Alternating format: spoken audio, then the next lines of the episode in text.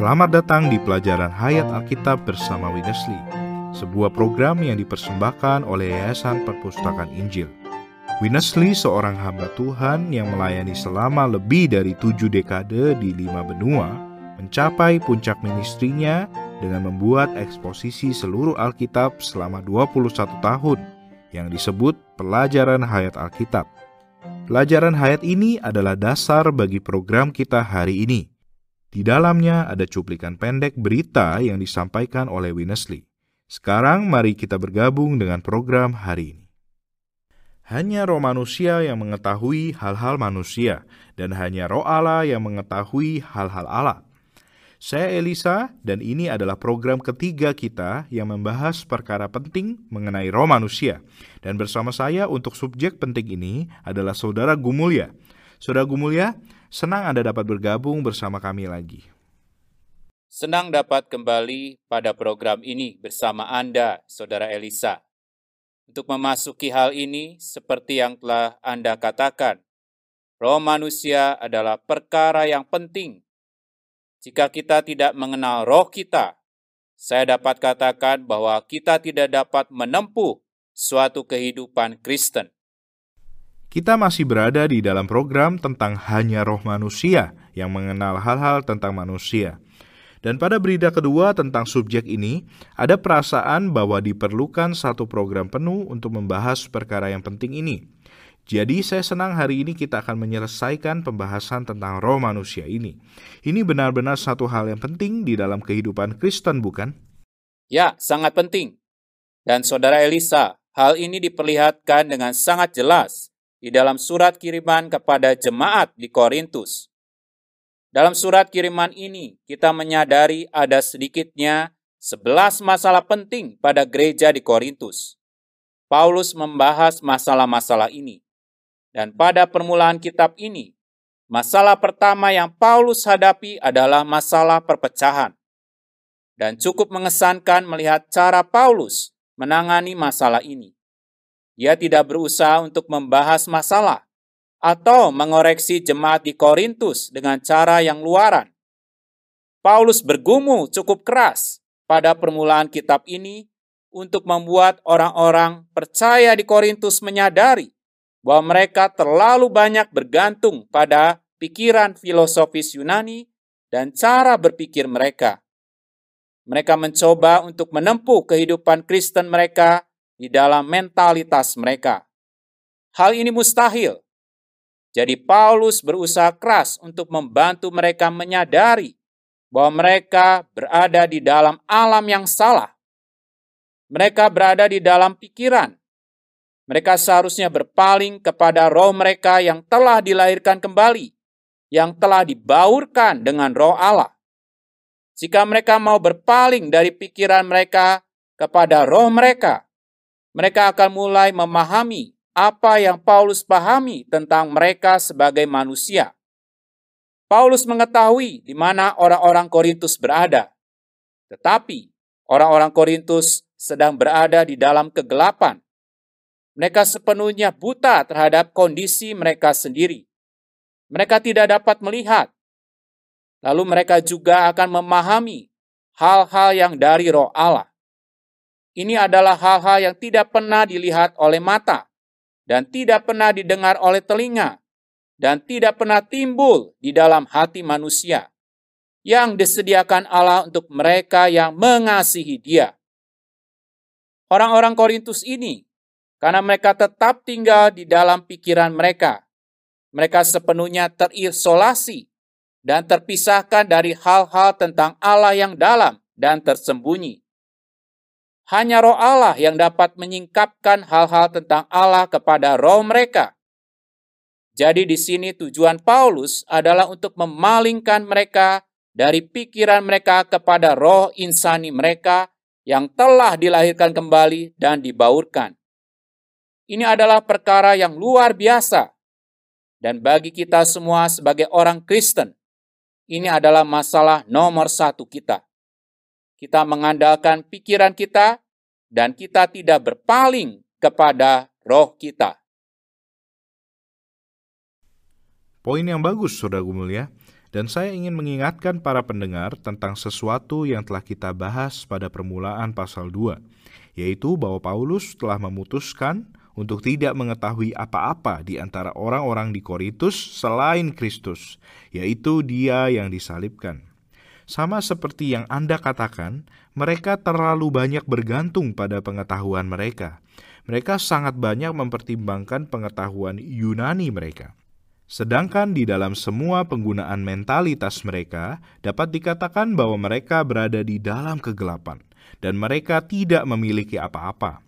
Dan Paulus, yang memiliki banyak pengetahuan, berkata, "Aku telah memutuskan untuk tidak mengetahui apa-apa di antara kamu selain Yesus Kristus, yaitu Dia yang disalibkan."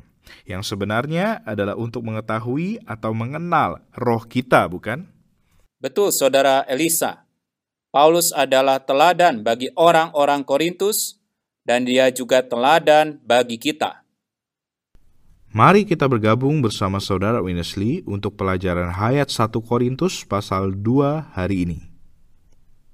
We all know Untuk mendeteksi adanya sesuatu, kita perlu menggunakan organ yang tepat. Misalnya, kita mendeteksi suara dengan indera pendengar.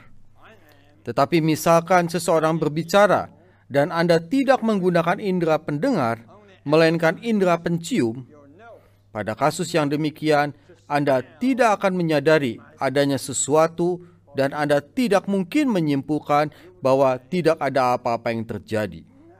Sebenarnya, seseorang sedang berbicara, tetapi Anda menggunakan organ yang salah untuk mendeteksi apa yang sedang dikatakannya. Suatu perbantahan antara seorang suami dan istri dapat juga mengilustrasikan kesalahan menggunakan organ. Seorang saudara mungkin sangat tidak senang terhadap istrinya dan emosinya tersinggung oleh sikap istrinya terhadapnya. Namun, jika ia berpaling dari emosinya kepada rohnya melalui memakai tekadnya, perasaannya akan berubah ia tidak akan mempersalahkan istrinya dan tersinggung. Malah dia akan memahami istrinya dengan cara yang sama sekali berbeda. Dari contoh-contoh ini, kita nampak bahwa sangat pentinglah kita menggunakan organ-organ yang tepat dalam menanggulangi berbagai masalah. Sangat pentinglah kita menggunakan organ yang tepat, yaitu roh manusia, untuk mengetahui hal-hal rohani akan tetapi, mengenai pengalaman atas Kristus dan gereja, sebagian besar orang Kristen telah diajar untuk mengenal Kristus dan gereja dengan memakai pikiran dan dengan ajaran tradisional sebagai dasar. Beberapa kelompok kekristenan bahkan mengadakan seminar untuk melatih orang-orang menggunakan mentalitas mereka dalam memecahkan problem-problem di antara orang Kristen. Lagi pula, latihan-latihan itu tidak berdasar pada firman Allah yang murni, melainkan berdasarkan tradisi. Jadi, sebagai ganti menggunakan roh, kebanyakan orang Kristen menggunakan pikiran alamiah untuk memahami, menganalisis, melihat, dan memfilsafatkan. Lagi pula, dasar dari aktivitas mental ini bukanlah Alkitab, melainkan tradisi. Saudara mulia, jika kita dapat belajar bagaimana berpaling ke dalam roh kita, hal ini akan benar-benar mengubah kita.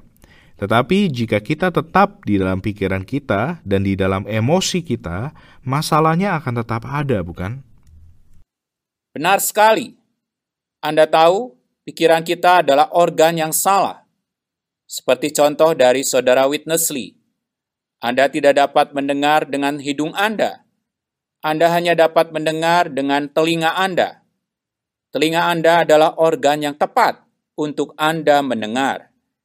Jadi, roh kita adalah organ yang tepat bagi kita untuk mengetahui hal-hal mengenai manusia.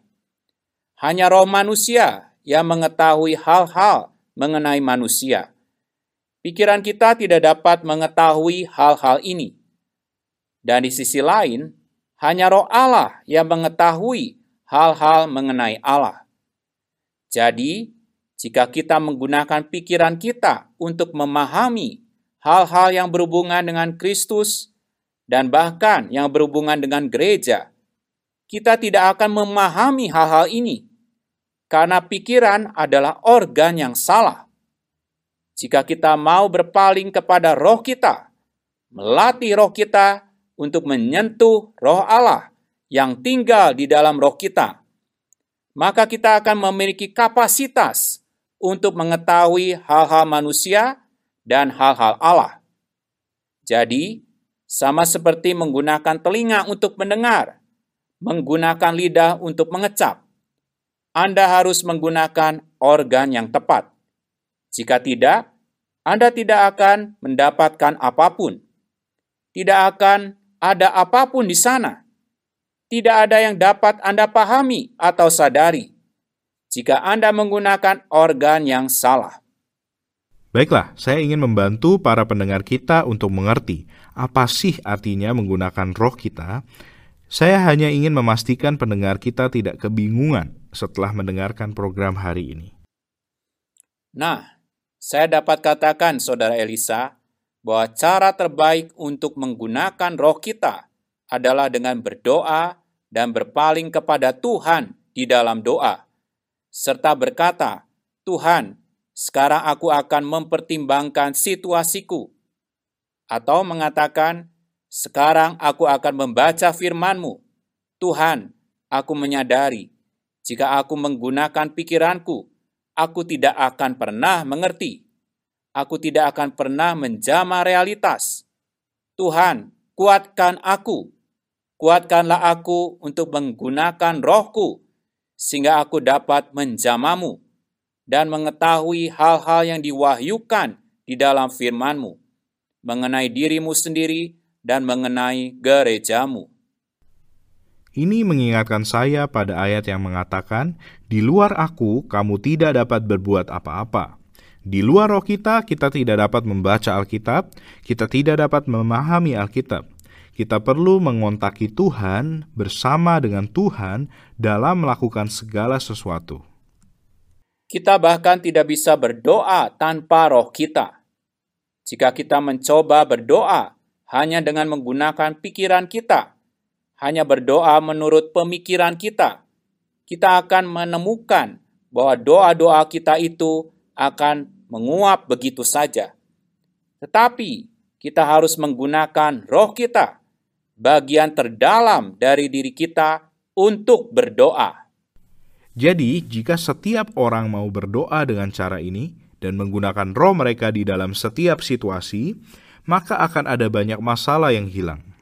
Inilah yang kita bicarakan pada program yang lalu. Dan juga ada satu pertanyaan tentang apakah seseorang bisa tetap ateis jika dia mau berdoa dan menggunakan rohnya. Apakah itu mungkin, Saudara Gumul ya? Itu tidak mungkin.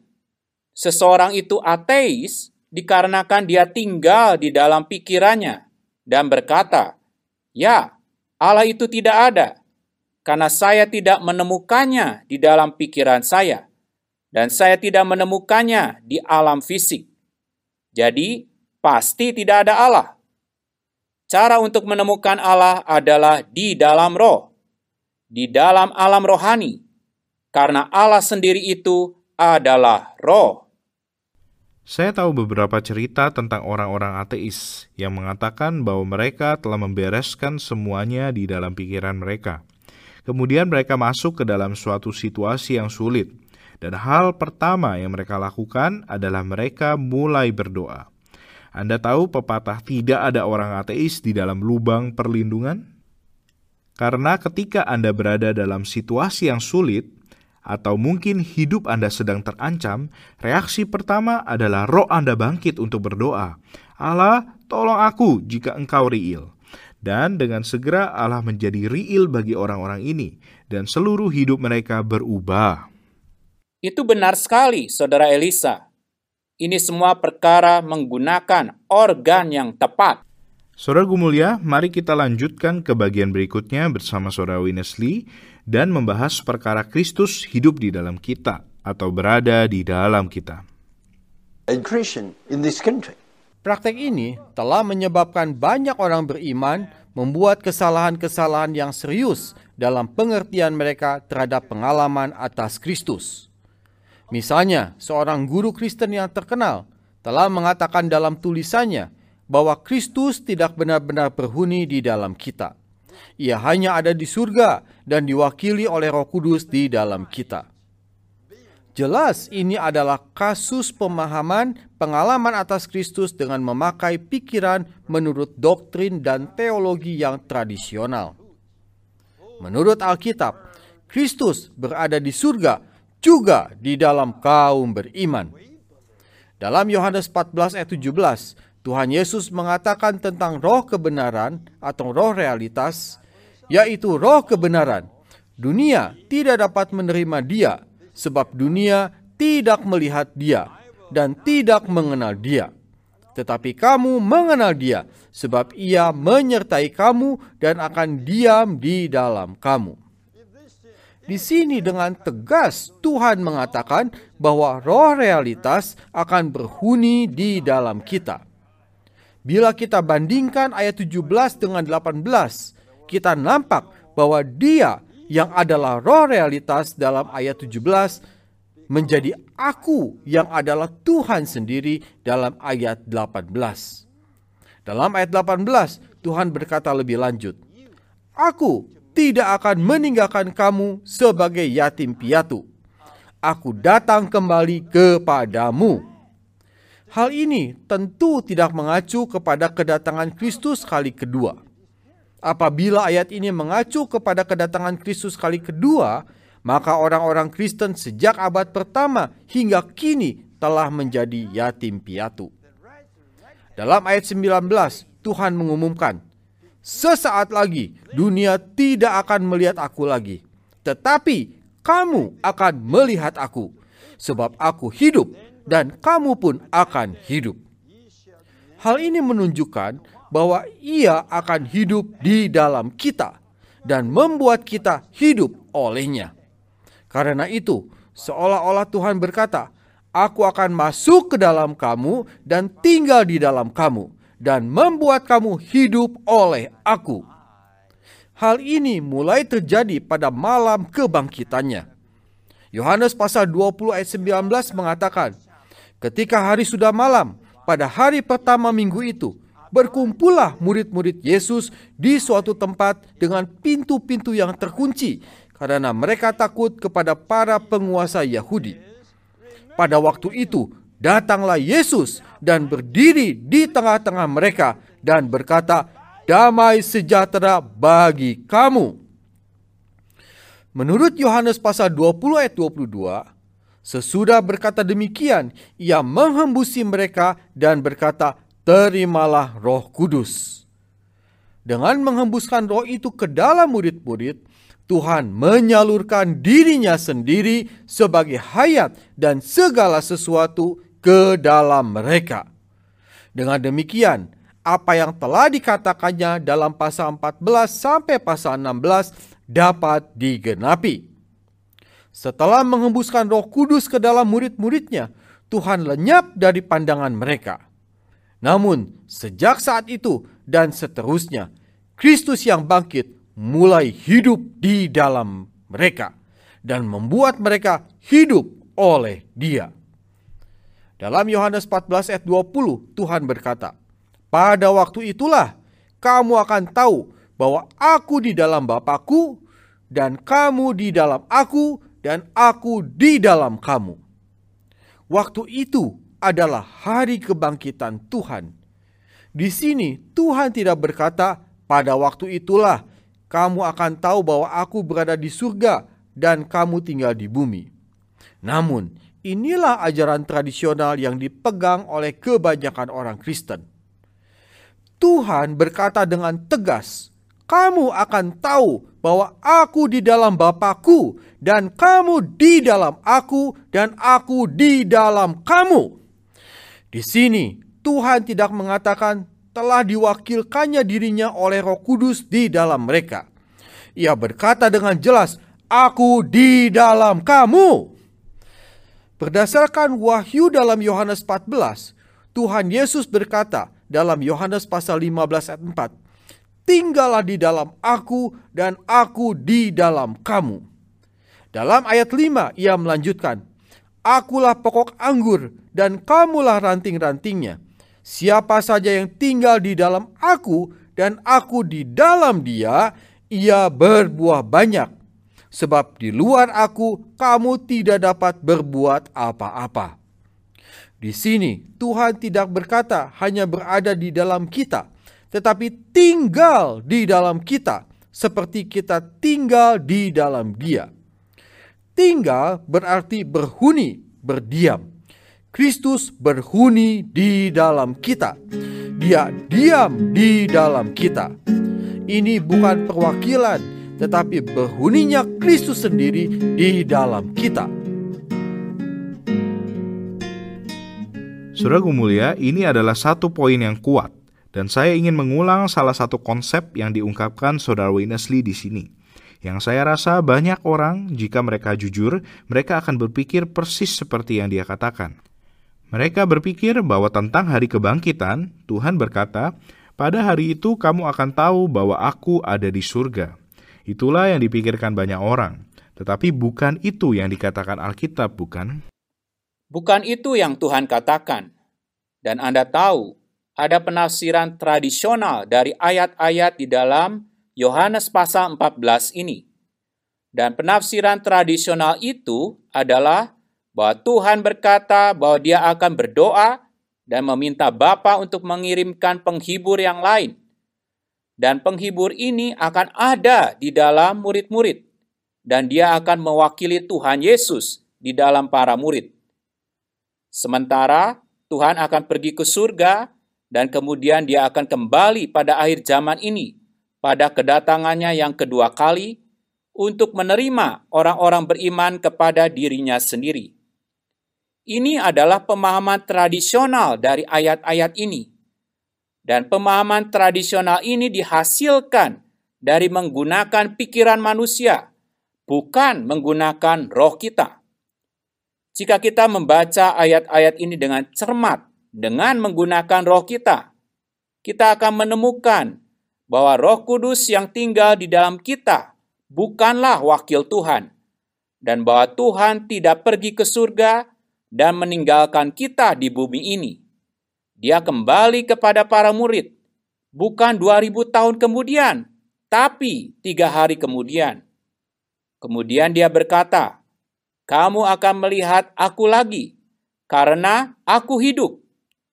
Kapan Tuhan hidup? Dia hidup pada hari kebangkitannya. Dia dibangkitkan untuk hidup kembali. Kemudian dia berkata, "Kamu juga akan hidup." Jadi, kita hidup karena Dia hidup, dan sebenarnya kita hidup karena Dia hidup di dalam kita. Jadi, Tuhan sedang memberitahu para murid bahwa Roh itu yang akan tinggal di dalam mereka sebenarnya adalah Tuhan sendiri dalam kebangkitannya. Jadi, di dalam ayat 20, dia berkata dengan sangat jelas, pada hari itu, hari apa? Itu adalah hari kebangkitan Tuhan. Para murid akan tahu bahwa Tuhan Yesus ada di dalam Bapa dan kita di dalam Dia.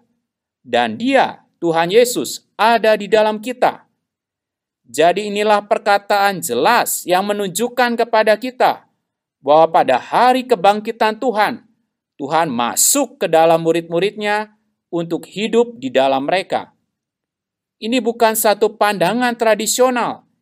Ini adalah pandangan di bawah penerangan Roh Kudus yang tinggal di dalam roh kita. Kemudian kita dapat tahu bahwa Kristus tinggal di dalam kita. Dia berhuni di dalam kita seperti yang dikatakan di dalam Yohanes pasal 15. Kita tahu dia tinggal di dalam kita. Dia tetap di dalam kita. Dia hidup di dalam kita. Jadi ini adalah contoh yang sangat baik bagi kita yang menunjukkan bahwa kita tidak seharusnya membaca Alkitab atau memahami Alkitab menurut pandangan tradisional yang didasarkan pada mentalitas kita. Kita harus membaca Alkitab di dalam roh kita. sehingga kita dapat mengetahui hal-hal Tuhan, hal-hal yang mendalam dari Allah, yang berhubungan dengan Kristus sebagai roh pemberi hayat yang tinggal di dalam roh kita. Karena Alkitab berkata, tinggallah di dalam aku dan aku di dalam kamu. Itu benar-benar berarti Kristus ada di dalam kita, bukan?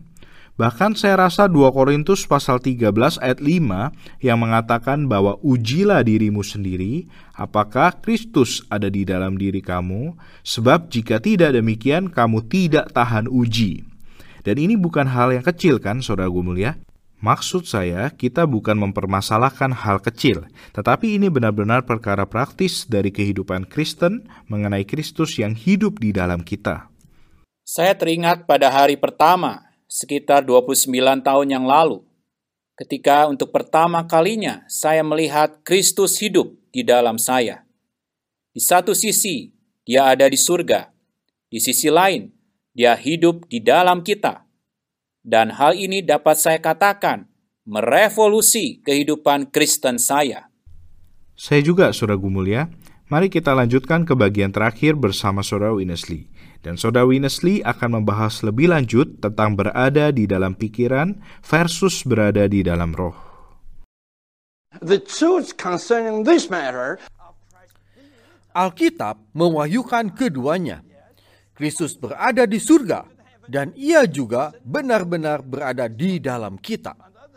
Mengenai hal ini, kita perlu percaya dan berpegang pada kedua aspek kebenaran. Mengenai Kristus, satu sisi kebenaran adalah bahwa Kristus telah naik ke surga dan telah mengirimkan Roh Kudus. Tetapi pada sisi lain dari kebenaran ilahi, Kristus sendiri sekarang benar-benar berada di dalam kita.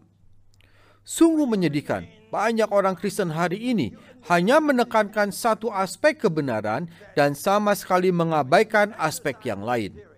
Hal ini memunculkan banyak problem dan perdebatan tinggal dalam pikiran alamiah dan berusaha memahami permasalahan secara tradisional adalah satu perkara.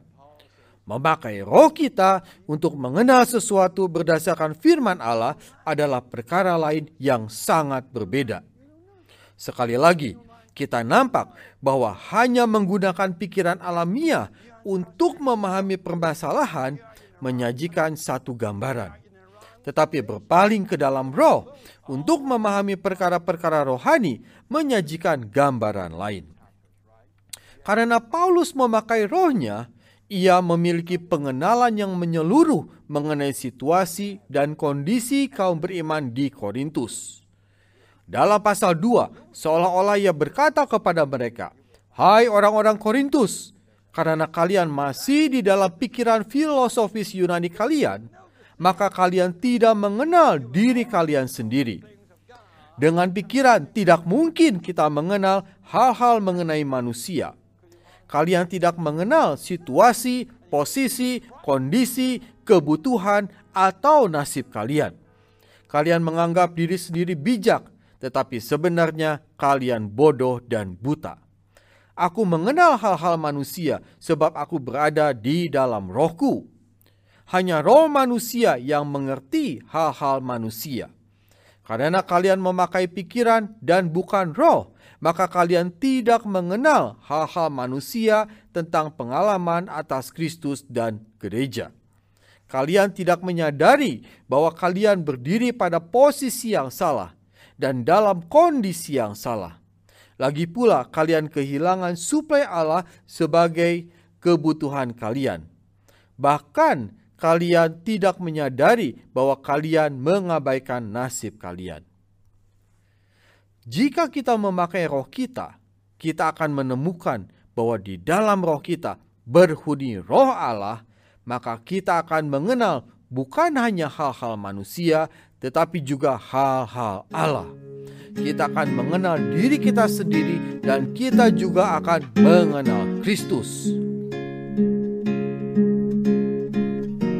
Saudara Gumulia, ini luar biasa. Anda akan mengenal diri Anda sendiri dan Anda akan mengenal Kristus. Apa hal terakhir yang ingin Anda sampaikan hari ini? Ini luar biasa, Saudara Elisa.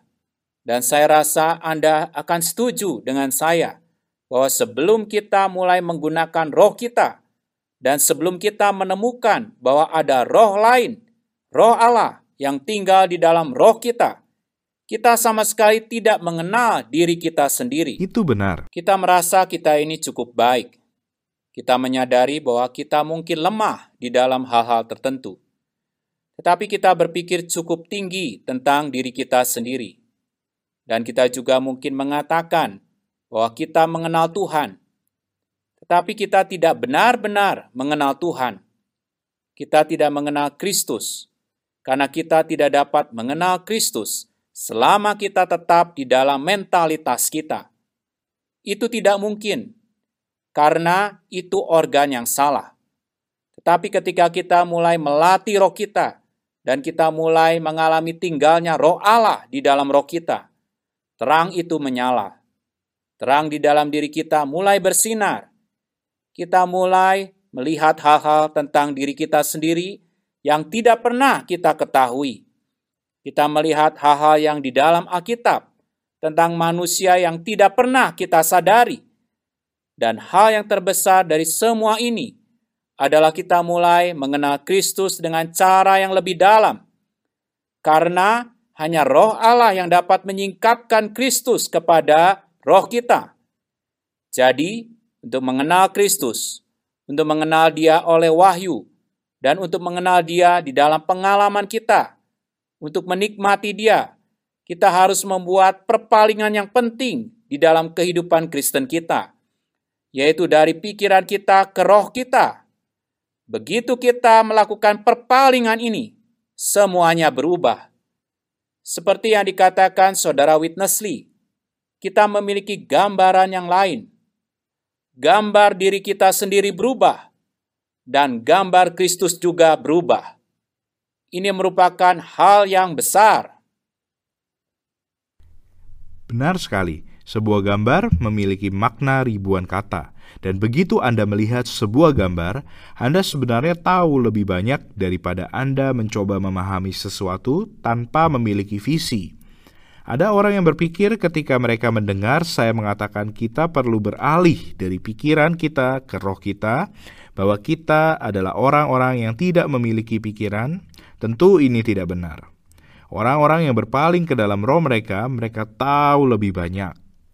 Karena ayat dalam 1 Korintus pasal 2 mengatakan, tidak ada yang mengetahui hal-hal tentang manusia kecuali roh manusia yang ada di dalam dirinya. Jadi pengetahuan yang sejati berasal dari penglihatan suatu gambar di dalam alam rohani ini. Saya hanya berharap perkataan ini dapat menjadi hal praktis bagi banyak pendengar kita.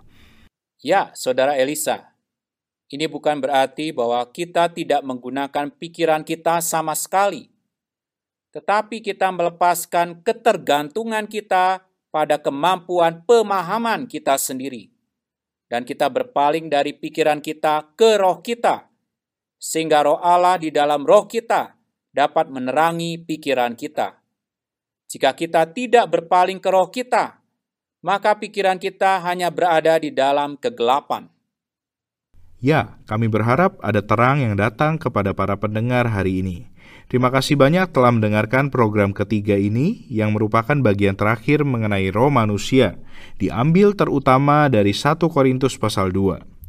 Saudara Gumulia senang sekali dapat bersama Anda hari ini. Saya juga senang, Saudara Elisa.